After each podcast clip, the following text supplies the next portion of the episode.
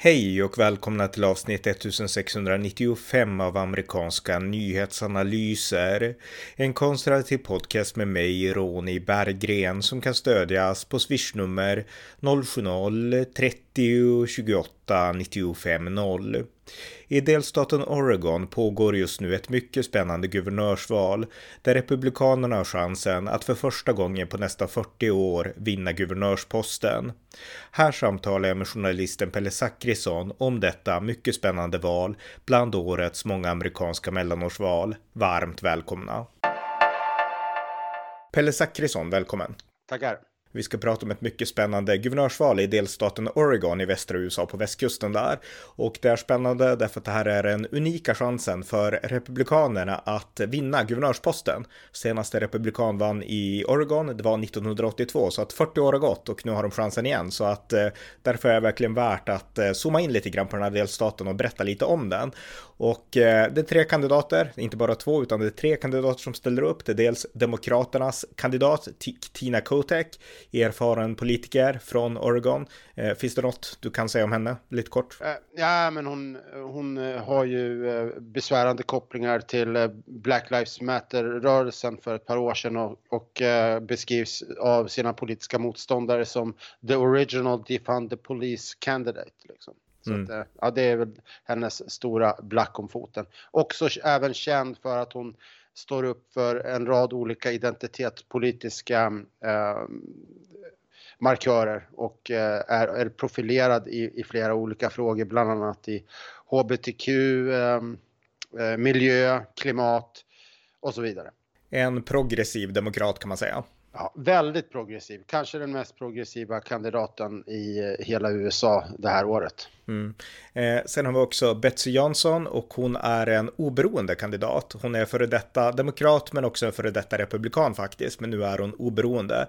Och hon ställer upp därför att hon anser att eh, det demokratiska partiet med sådana som Tina Kotek i spetsen, de har blivit alldeles för progressiva och hon menar att vanliga Oregonians, de är inte progressiva på det sättet. Så att hon ställer upp för att hon är besviken på det demokratiska partiet och det är ju ganska intressant. Ja, eh, jag har pratat med eh, en, pratat med en person som jobbar inom eh, i, i Oregon, jobbar inom, inom ehm, affärsvärlden där och de i Oregon är man väldigt vänster, men den här personen då beskriver det hur Betsy Johnson, det är kandidaten för oss, att så att Betsy Johnson flyttar den politiska debatten mer mot mitten kan man säga. Mm. Och det är hon som gör, alltså som egentligen banar väg för republikanernas chans här. För Oregon är en väldigt progressiv delstat. I presidentvalen har republikanerna ingen chans. Men eftersom det nu har kommit in en oberoende som i grund och botten är demokrat men inte känner att hon kan vara demokrat längre. Så har det banat väg nu för republikanerna. Och republikanernas kandidat heter Christy, Christine Dresan heter hon. Det är en kvinna, hon är 50 år gammal och hon är, hon har inte någon lång politisk karriär i motsats till de här två andra kvinnorna kvinnorna, bara kvinnor intressant nog, eh, utan Kristin Dreisen, hon är relativt ny i politiken, hon sitter i delstatsrepresentanthuset där i Oregon och eh, hon har visat sig vara väldigt duktig på att organisera det politiska ledarskapet för Republikanerna så att man har kunnat ordna koalitioner och så här för att liksom stå emot och Demokraterna i den mån man kan. Men man kan väl jämföra Oregon lite grann med alltså Sverige på sossetiden, alltså det är i princip en enpartidelstat. Det är nästan liksom Demokraterna som styr allt och det gör att det här är så otroligt unikt nu att Republikanerna får en chans ja. att, att vinna. Ja, och, och det är Demokraterna styr allt och är det, är det någon republikan som sitter någonstans i någon, eh, i någon sån här lokal församling så är de, eh, skulle du eh, hitta dem kanske till höger inom Demokraterna i någon annan delstat. Alltså allting är väldigt, väldigt mycket längre till vänster i, i Oregon. Mm. Och Oregon vart ju väldigt uppmärksammat. Vi kan säga också att den sittande guvernören nu som är guvernör, Kate Brown heter hon, hon tillträdde 2015. Hon får inte sitta kvar längre på grund av de här äh, begränsningarna av hur länge man får sitta de mandatperioderna som man har i Oregon.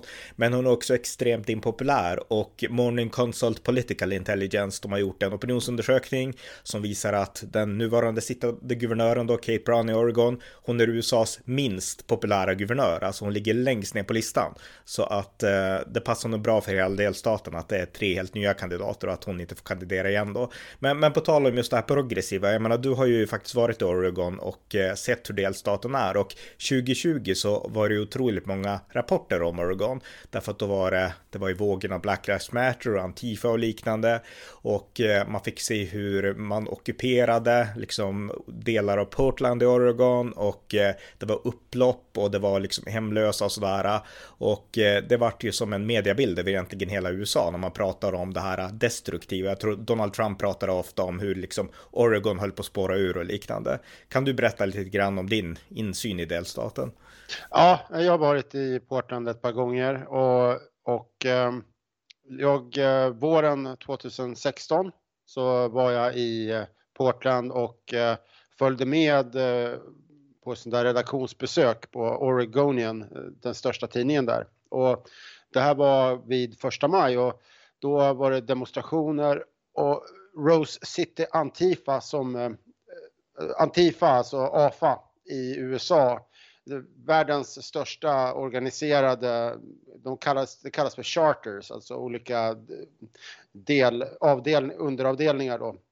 Alltså, Antifa är ju inte organiserat som någon form av eh, världsorganisation utan det är olika löst sammansatta Lokala avdelningar. Lokala avdelningar, exakt. Och Rose City Antifa i, i Oregon, eller i Portland, är, Eh, skulle jag säga, det är världens eh, liksom största och mest etablerade Antifa-organisation. Eh, under den här demonstrationen då, första maj, det var första maj-demonstration, så ja, vi följde det där från eh, den här redaktionen jag var med i och eh, redan under demonstrationen när den startade upp så, så gick, var de svartklädda, de gick längst bak i tåget och alla var maskerade. Eh, redan då var de maskerade och eh, flera var helt upp, gick öppet med eh, skyddsvästar och hade ryggsäckar där det var helt uppenbart att de hade olika typer av saker som de skulle slänga eller göra någonting med. Och polisen gick runt och kontrollerade men, men kunde inte göra någonting. Så att det var... Och sen ungefär halvvägs in i demonstrationen då bara som på en... Eh, för det är liksom cyklande poliser som kontrollerar hela tiden. Eh, men sen mm, halvvägs in i demonstrationen ungefär, då bara smäller det till och eh, det blir fullständigt kaos. Och det här är ju ett par år innan innan Black Lives Matter-kravallerna som sen härjade i, i Portland. Men då fick jag första, fick jag se liksom första åsyn av hur Antifa i Portland, hur välorganiserade de var. För det, det var väldigt, liksom, var, gick väldigt snabbt att de, för de längst fram i det här demonstrationståget då gick vanligt folk, eh, det var fackliga organisationer och så vidare. Eh, och längst bak då så gick de här Rose City, eh, Antifa och The Black Bloc då som den andra fraktionen kallades för. Just det. Du fick se våldsvänstern på nära håll alltså? Ja, verkligen. Och det... Sen, sen kan man ju säga då att det är eh, en annan reflektion som jag har gjort när jag var där, det är ju att eh, hur, om man kommer in i Portland så en av de första sakerna man kanske kommer att tänka, man kanske tänker på det är ju alla tält som står uppställda. Sådana små enmanstält eller hemmagjorda tält som står uppställda på gatorna. Och eh, då är det hemlösa som bor i de här tälterna. Och, och då kan man ju fråga sig, men varför blir de inte bortkörda? Ja, det, det är på grund av att det är olagligt att plocka bort de här tälten. Och eh, det här är ju någonting som eh, har blivit en... Eh, så hemlöshet är en... Redan då när jag var där flera gånger i mitten av 10-talet så redan då var det en stor fråga och, och det har ju bara växt ännu mer. Och som jag har förstått det så är hemlöshet ett, det är nummer ett, fråga nummer ett eh, på årets, eh, årets guvernörsrace då. Mm. Och eh, det märkte jag, för jag har just sett en debatt då mellan de här tre kandidaterna. Eh, och eh, där så var eh, alltså frågan om hemlöshet, frågan om drogmissbruk och frågan om brottslighet. Det var i princip bara det man debatterade på den här, på den här uh, guvernörsvalsdebatten. Då jag tänkte spela ett klipp här och det här är då eh, Christine Dresan, Republikanernas kandidat och eh, Tina Kotek, framförallt Demokraternas kandidat, men även Betsy Johnson. Så här är ett klipp där de pratar om lag och ordning. There's a staffing shortage for law enforcement across the state, from state police to local departments. Do you think we need more officers on the streets? And if so, what would you do as governor to try to help fill those vacancies? And we begin with Ms. Kotek. Yes, I do. When people call 911, they need to feel safe and have the right response at the right time. And we do need more officers. And one of the things the state can do is increase the number of classes and trainings that are available so local law enforcement can get new hires through that training in a more efficient manner. And Ms. Drazen. You know, Tina Kotek is the original defund the police candidate. She did not support police even when rioters were attacking a police station. It's stunning to me that she would talk now like she supports law enforcement. I will support law enforcement. Ms. Johnson. I will join Ms. Drazen in saying I'm surprised by Tina's answer because we've got to start by respecting our police. That doesn't mean walking with the rioters or excoriating uh, the police when the riots were happening. Tina wrote a letter to Ted Wheeler siding with the rioters. Ted, incidentally, also showed up with the rioters. But we've got to start by respecting our police, and as governor, I would absolutely do that. The legislature tied the police's hands. Så det var ett klipp och eh, både, de här kandidater, eller både den oberoende kandidaten och republikanen anklagade, anklagar här Demokraternas kandidat för att ha varit en del av Defund the Police. Eh, så att eh, alltså Demokraten åker på, liksom trycks in i ett hörn här. Och hon försökte försvara sig, men när man läser opinionsundersökningar en, som nyss har kommit från Harvard eh, visar att 64 procent av de amerikanska väljarna, det här är hela nationen visserligen, men 64 procent anser att brottsligheten som nu ökar i USA, att den beror på woke politicians, alltså progressiva politiker som har ignorerat ignorerat brottsligheten. Och eh, man skulle kunna säga att det kännetecknar ändå demokraterna i Oregon, därför att jag menar annars hade ju det här eh, som de här tälten som du berättar om, alltså annars mm. hade det inte varit så här. Nej, alltså, det intressanta när det gäller eh, det här med hemlösheten, det är ju att det finns två olika förklaringsmodeller till till uh, hur man ska lösa det eller till orsaken. Och både Drayson, Christine Drayson, republikanen och Tina Kotek, demokraten, båda säger ju sig eh, Båda vill ju profilera sig i de här frågorna och de som stödjer eh, Tina Kotek de säger då att ja, men hemlöshet beror på att folk inte har råd att köpa hus eh, eller ja, köpa en lägenhet. Och då Christine, Christine Drayson, de som stöder henne, de menar ju att det beror på mental ohälsa och kriminalitet. Så det, det är som två olika förklaringsmodeller eh, båda kandidaterna anser sig ha tycka att det här är en fråga som de vill profilera sig på. Så det, det är ju väldigt, um, uh, väldigt spännande liksom hur, hur, hur man kan landa så diametralt olika kring, kring en fråga. Att, och då kan man jämföra med Sverige där de flesta partier i, i, inför valet i, i höstas var ganska relativt en, enade om exempelvis det här med um, eh, gängskjutningarna och brottsligheten, att de flesta partierna var ändå överens om att det behövdes hårdare tag. Sen eh, har du partier som Sverigedemokraterna och Moderaterna som eh, ville ta mycket hårdare tag och sen hade du kanske Socialdemokrater och eh, Miljöpartiet Miljöpartiet som inte ville införa visitationszoner till exempel. Men det var ändå, alla hade ungefär samma problemformulering. Mm. Verkligheten hann ikapp kan man säga. Och eh, jag nämnde ju tidigare i inledningen Betsy Johnson då som kandiderar som tredje kandidat, oberoende kandidat. Och hon fick i den här debatten som var igår tror jag, hon fick en fråga om eh, eh, alltså om hon anser sig själv vara en spoiler. Eh, därför att faktum är ju, det, alltså opinionen är så här just nu enligt Real Clear Politics. Så leder Republikanernas kandidat Rayson med 37,3% mot demokraten Kotek med 34,5% och sen den här oberoende då Johnson med 16,3% procent. Och det här innebär att om Johnson inte hade ställt upp som oberoende, då skulle Republikanerna faktiskt inte ha en chans här, utan hon splittrar sannolikt de demokratiska väljarna.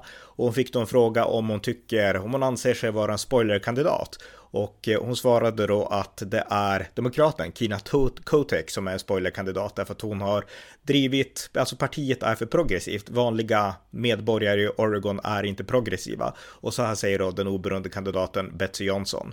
All right, thank you, Ms. Drazen, Ms. Kotek. Uh, let's get to a viewer question for you, Ms. Johnson. Now, this is from Joel in Wilsonville, who writes Since you've been a lifelong Democrat, how do you square yourself with knowing that your current efforts will probably cost Democrats the governorship for the state?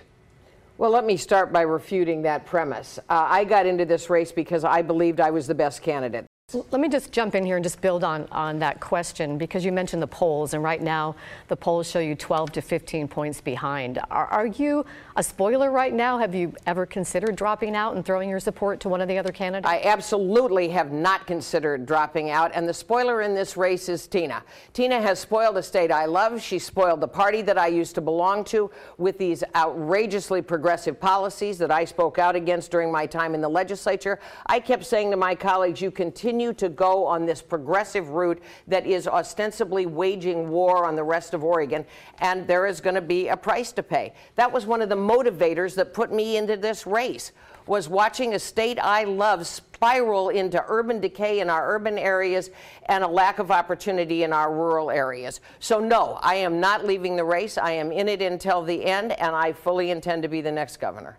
Så det var Betsy Johnson då i Oregons debatt på KGV News TV därifrån klippet kom. Så att jag menar, det verkar ändå samtidigt som det här är en djup demokratisk delstat pågår någon slags uppvaknande och kanske till och med ett uppror mot den här progressiva politiken som ändå har banat väg för laglöshet och liknande. Har du några tankar kring det, Pelle? Ja, alltså borgmästaren i Portland, Ted Wheeler, är eh, demokrat och han är inte, han ska inte väljas om i år, fyra fyraårsperioder så att han eh, får sitta i två år till. Men eh, en mätning för ett par år sedan eh, som gjordes 2020, då var det två tredjedelar som, som inte hade förtroende för Ted Wheeler. Och Ted Wheeler är ju ett riktigt sänke för Demokraterna i hela, i hela Oregon. Och även och, och man kan säga som Christine Drazen går ju till val på den här klassiska kom, kom, har, ni, har ni fått det bättre nu än vad ni hade det för fyra år sedan? Alltså det här klassiska att det, det blir liksom en, en, eh, en folkomröstning om uh, fortsättningen för Oregon. Mm. Och, uh, och att Tina, Tina Kotek är en fortsättning på, på um, Demokraternas misslyckade politik. Ja, och det det gör ju att eh, om, om, om, hon får det till det, då kommer hon att vinna. Mm. För, det, för den här Betsy Johnson blir en Ross Perot, alltså Ross Perot då, som eh, förstörde valet för Republikanerna, var det här 94? Ja, 92 ja. kanske till och med. Ja, 90, I presidentvalet. Ja. Mm. ja. Så att, eh, nej. Oregon är en väldigt progressiv delstat och eh, du kommer aldrig kunna vinna ett val i, i Oregon om du är tydlig eh, abortmotståndare till exempel. Och Christine Drazen har ju sagt att eh, nej, hon kommer att eh, upprätthålla de lagar som finns. Mm. Eh, och du kommer aldrig att kunna vinna ett val om du vill förbjuda marijuana. Däremot eh, exempelvis som Oregon har USAs mest liberala eh, droglagar just nu. De, så att och, och en av USAs mest liberala abortlagar, alltså man får i princip abortera fram till födsel. Ja, ja. ja. Och de här frågorna, bara för att skjuta in där, de här frågorna togs faktiskt upp i debatten. Och där var egentligen alla, eller jag vet inte om alla, jag minns inte om alla var exakt ense, men när det gäller tunga droger, och då menar man väl inte marijuana utan kanske... Nej, koka, kokain. De har, ju, de har ju legaliserat kokain för två år sedan och det här har ju varit en katastrof enligt, eh, enligt såna brotts, eh, brottsundersökningar. Mm. Det är ju ma massor av människor som har det är människor som har dött och så vidare efter att man har legaliserat innehav, eget, egeninnehav av eh, tunga droger som eh, metamfetamin och kokain. Mm, just det, och det finns säkert heroin och sånt också. Jag vet inte om sånt är lagligt, men jo, liksom... Ja, ja, mm. absolut. Okej. Okay. Allt okej, okay, ja ja. För det de sa här var tunga droger och all, nästan alla var ensamma om att det var något misstag att, att liksom legalisera tunga droger, just inte då marijuana utan tyngre droger och att det har inte funkat. Så att det upptog ganska mycket av debatten, just det här med droger och så. Man tänkte att är det normalt att man ägnar så mycket av en debatt? Men det visar ju liksom hur, hur stora problem som finns här.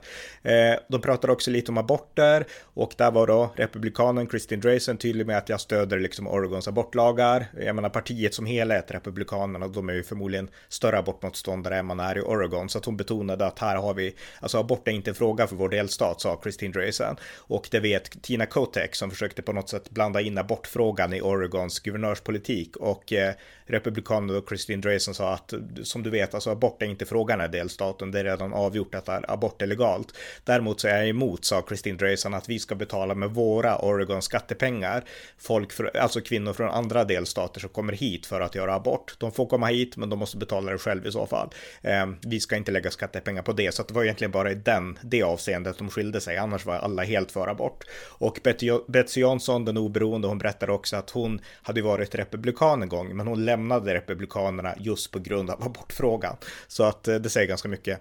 Ja, jag tror att eh, Demokraternas, Tina chans att vinna, det är ju att klistra fast, eh, att stämpla stä, två saker. Dels att stämpla abortfrågan på att stämpla abortfrågan på eh, sin politiska motståndare eh, Drayson. Och det andra det är att få in eh, Donald Trump i, i debatten. För att eh, du vinner, i andra delstater så är Donald Trump populär men bland republikaner i Oregon så är han inte populär. Så att det, det, liksom, du, det är lite så här upp och nervända världen. I, i, i andra delstater vill de inte befatta sig med Joe Biden. I Oregon då vill man inte befatta sig med Donald Trump på, mm. i, i det republikanska lägret. Ja, det är mycket intressant och det, det, det visas av alltså vad som har hänt här. Därför att Biden har varit i Oregon för att kampanja för Tina Kotek. Och jag menar, jag tror inte alla demokrater skulle vilja ha Biden i sin, liksom för att kampanja för dem. Men han har varit i Oregon. Så att jag antar att Tina Koteks kampanjteam, Demokraterna, anser att ja, men Biden är ändå ett, liksom ett dragplåster som kan hjälpa oss. Ja, tidigare har det varit så att eh, den sittande presidenten eller presidentkandidaten, de, de, de åker aldrig till Oregon eftersom att den, det är en sån här delstat som redan är avgjord. Mm. Eh, men eh, det här visar ju att eh, det här racet är ju, är ju inte avgjort än. Och... Nej, och det visar också att, alltså, som sagt, Donald Trump är inte populär där, så han har inte åkt till, till, till Oregon. Men däremot har andra republikanska guvernörer åkt till Oregon, bland annat Glenn Youngkin, guvernör i Virginia. Han har åkt till Oregon för att kampanja då för republikanen Christine Drayson. Så att det verkar ändå dra visst intresse, men alltså Biden är populär, Trump är impopulär. Det, det är ändå rätt intressant. Ja, det mm, är väl en, eh, om man ska ta ett lite större, lite mer makroperspektiv så finns det ju en, en verkar det finnas en trend nu bara den senaste veckan om att, att eh, det såg ut som att eh, Demokraterna var på väg att eh, så att säga stoppa blödningen, att, att kanske inte göra något katastrofval i, i midterms. Men men senaste veckan så har Republikanerna nationellt fått, eh, fått momentum igen och, och eh, ingenstans märks det kanske tydligare än i, i Oregon. Då. Nej, nej, precis. Och som sagt, det är en viss ledning för Republikanerna. Har du något mer du vill tillägga om liksom, det här spännande valet eller så? Ja, nej, men bara där lite kort. Eh, Phil Knight, grundaren av Nike, som han han är ju ingen eh, känd republikan så eller, utan han är ju ganska progressiv. Men han säger att han är, han är inte för någon, men han är mot, han är anti-Tina och det är ju Tina Kotek, så han är mot Tina. Så han började med att stödja Betsy Johnson eh, och sen när han såg att Betsy Johnson låg för dåligt till i mätningarna, då började han eh, pumpa in pengar i eh, eh Drayson då, Christine Drayson. Och eh, han hade ett ganska roligt citat. Och han är alltså från Oregon antar jag? Ja, liksom ja, ja, ja. Alltså, han, han bor i central, han är Oregons rikaste person och okay. han, han, bor i, i centrala, eh, alltså alldeles utanför, eller jag tror han bor i Portland då. Um, och, men han hade ett ganska roligt citat, jag ska se om jag kan få det rätt. Uh, men han, han hade läst en politisk uh, satirteckning då, där det var en bild på en person som snortade kokain ur ett, en, en hög med, eh, han snortade eh, med ett sugrör ur en hög med eh, kokain. Och då stod det över den där, vilken av de här två sakerna är illegala i Oregon. Och svaret på det är ju att det är plastsugröret som är olagligt, inte kokainet. det. och det tyckte jag var lite roligt faktiskt. Det, det, var väldigt kul. Ja, just det. Ja. ja, det blir spännande att följa och stöder man Republikanerna är det ju bara att hålla tummarna för det här är en unik chans. Som sagt, inte en republikansk guvernör sedan 1982, det var 40 år sedan. Så väldigt spännande kväll att följa i förhållande till Republikanernas möjligheter i Oregon. Så tack så mycket Pelle för den här uppdateringen. Tack. Tack för att ni har lyssnat på amerikanska nyhetsanalyser. En konservativ röst i det vänsterliberala svenska mediebruset som kan stödjas på swishnummer 070-30 28 95 0 eller via hemsidan på Paypal, Patreon eller bankkonto. Skänk också gärna slant till valfri Ukraina-insamling. Vi hörs snart igen. Allt gott tills dess.